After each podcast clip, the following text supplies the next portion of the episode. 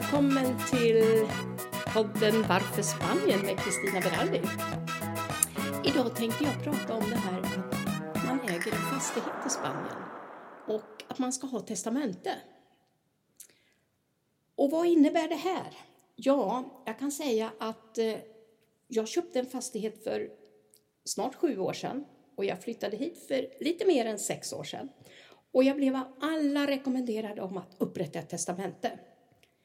Anledningen är ju att om jag avlider och det inte finns ett testamente registrerat hos notarius här i Spanien, vad händer då? Kan man lätt hitta arvingarna? Det kanske tar tid, det kanske kostar pengar. Eh, det kanske inte går att eh, överta en fastighet om det inte finns ett testamente. Jag har ingen aning, jag kan inte svara på de frågorna. Men för mig kändes det väldigt tryggt att veta att jag upprättar ett testamente där det står, ursäkta mig, att mina barn ärver den. Nu var det så att eh, när jag flyttade hit för lite mer än sex år sedan, efter ett halvår, då köpte jag en fastighet till eftersom den ena sonen följde med mig. Jag kommer tillbaka till det senare och jag tyckte inte vi skulle bo tillsammans utan vi skulle bo i varsin bostad, inte så långt ifrån varandra. Det kändes väldigt bra när jag hade upprättat det här testamentet där det klart och tydligt framgår att det är mina barn som ärver mig och att det är svensk arvslag som gäller för testamentet. Mycket skönt.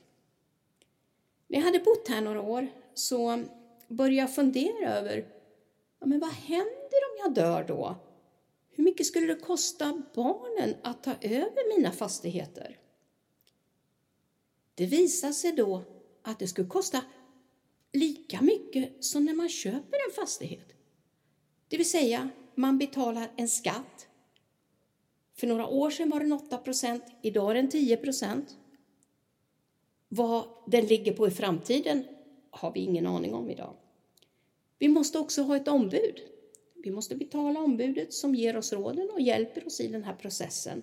Och kostnaden för notarius publicus, då är det inskrivet här och då kan det alltid hittas. Idag när man köper en fastighet så kan det ligga någonstans mellan 13-15 procent. Och det är ganska mycket pengar, eller hur? Om man tänker på att fastighetsvärdet är 150 000. Det betyder att ska man ta över en fastighet då, då kostar det ungefär 20, 22, 23 000. Jo då, det är ganska mycket pengar och jag vill inte lämna över till mina barn som de ska lösa ut mig. Utan jag vill ju att de bara ska ta över bostaden och kunna kanske renovera eller göra något annat roligt för, för sina pengar. Hur som helst, jag hade ju mina funderingar och jag har pratat med flera spanska vänner. Och svaret var, nej, vi har donerat fastigheterna till våra barn. För då vet vi att det inte kostar dem någonting den dagen de tar över fastigheten. Några av mina vänner de är ju faktiskt advokater, spanska advokater. Och jag tyckte ju det lät väldigt klokt. Det är något som jag kände att jag också måste göra. För inte så länge sedan så var det en god vän som dog, en svensk, som hade testamente här. Han hade en son och han fick lösa ut bostaden. Jag kommer inte ihåg om det var 13 eller 14 procent. Sen är det ju upp till honom då att välja.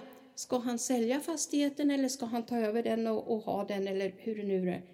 Men det var mycket pengar.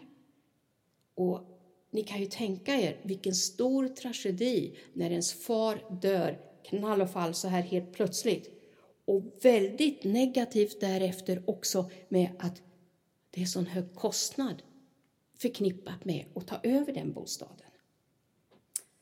Det här fick mig att återigen kolla upp hur ska jag kunna planera bättre för mina barn? För jag vill absolut inte att de ska stå här med några kostnader. Det jag har lärt mig det är att spansk lag säger att man får donera 100 000 per år. Och eh, en del fastigheter som vi har här, de överstiger ju oftast den summan. Och det som överstiger 100 000 om man ska donera, det blir en skatt på 1% på överstigande belopp. Så om vi nu säger att eh, fastigheten är värd 150 000 så betalar man 1 procent, det är 1500 euro. Och det är väl ändå en väldigt stor skillnad att betala 20 000 eller 1500 euro. Det är ju så viktigt att det här går rätt till och att man har ett ombud som kan ge eh, de råden, man kan svara på de frågor som man har. Och eh, såklart att det här registreras. Allt ska ju registreras här så att det finns papper på alltihop och det känns extra tryggt.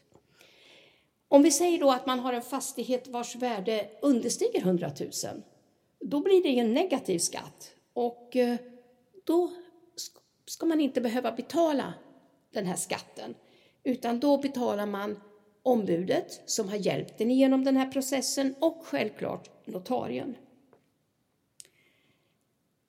Så nu har jag faktiskt gjort min första donation och det är till min son som redan bor här i den ena fastigheten. Och det var faktiskt på grund av honom som jag beslöt att flytta hit då han blev svårt sjuk. Han har alltså fått en förvärvad hjärnskada. Han hade och har fortfarande svårt att klara sig själv.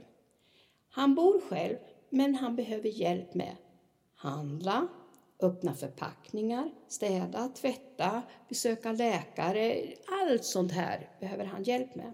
Och han har en liten pension ifrån Sverige.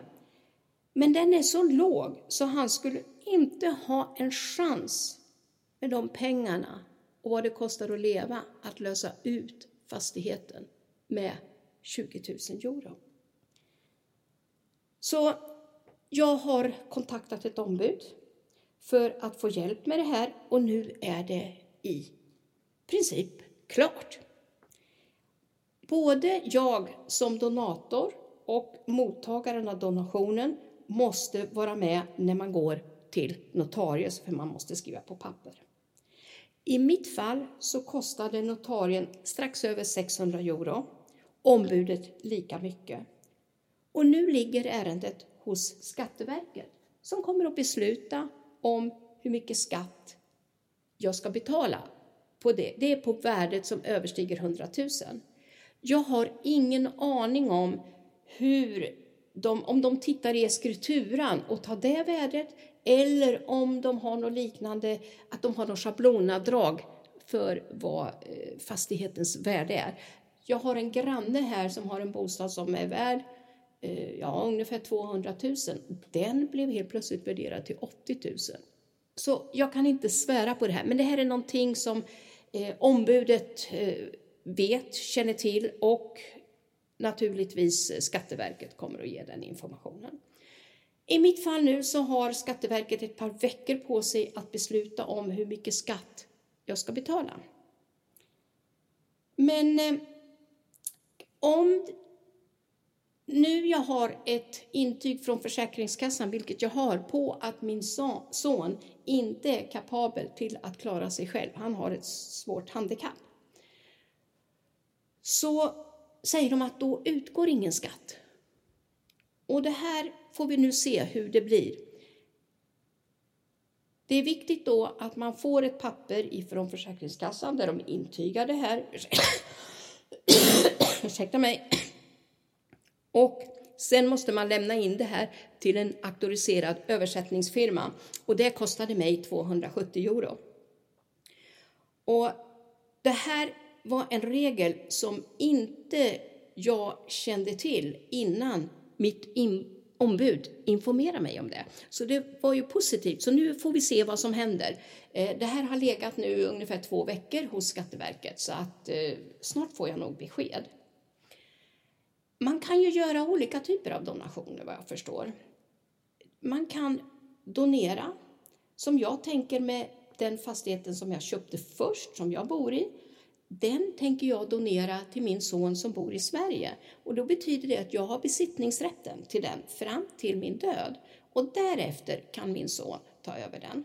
Och då tar han över fastigheten utan några kostnader, för det är redan betalt. Fastigheten som min son bor i, den har jag redan nu fört över till honom. Och det känns bra att det är klart. Så nästa år, då kommer jag ta tag i min fastighet och eh, eh, se till att donera den. Och då måste vi också samordna det så att han kan vara med här på plats när vi ska göra själva den här donationen hos Notarius Publicus. Den enda rekommendation som jag kan ge till dig som lyssnar på det här, det är att ta kontakt med ett ombud. Berätta de här sakerna, hur du känner med din fastighet. Om du känner att du kommer att leva här eller du lever i Sverige och du kommer att ha kvar fastigheten så att dina barn kan ta över dem. Kanske det är ett alternativ även för dig att donera fastigheten till barnen. Eller om du tänker så här, nej, jag kommer att ha min fastighet och när jag börjar känna mig riktigt gammal, då säljer jag den. Det finns också ett alternativ som man kan välja. Men jag känner att jag lever här, min ena son lever här. Nu har jag tryggat hans bostad för den framtiden som, som finns för honom när inte jag är här. Och det känns extra skönt. Sen får min andra son faktiskt välja. Vill han ha kvar den här bostaden, sälja den, kanske han köper en annan eller han tycker jag vill ha kvar den som semesterboende och kanske när han blir lite äldre flyttar hit. Det är upp till dem. Men då vet jag att det finns inget som de behöver lösa ut mina fastigheter med. Och det är extra tryggt för mig. Tack så hemskt mycket för att du har lyssnat på min podd. Det här var en kort och väldigt koncis information från de erfarenheter som jag har. Och tack för att du lyssnade på mig. Ha en härlig.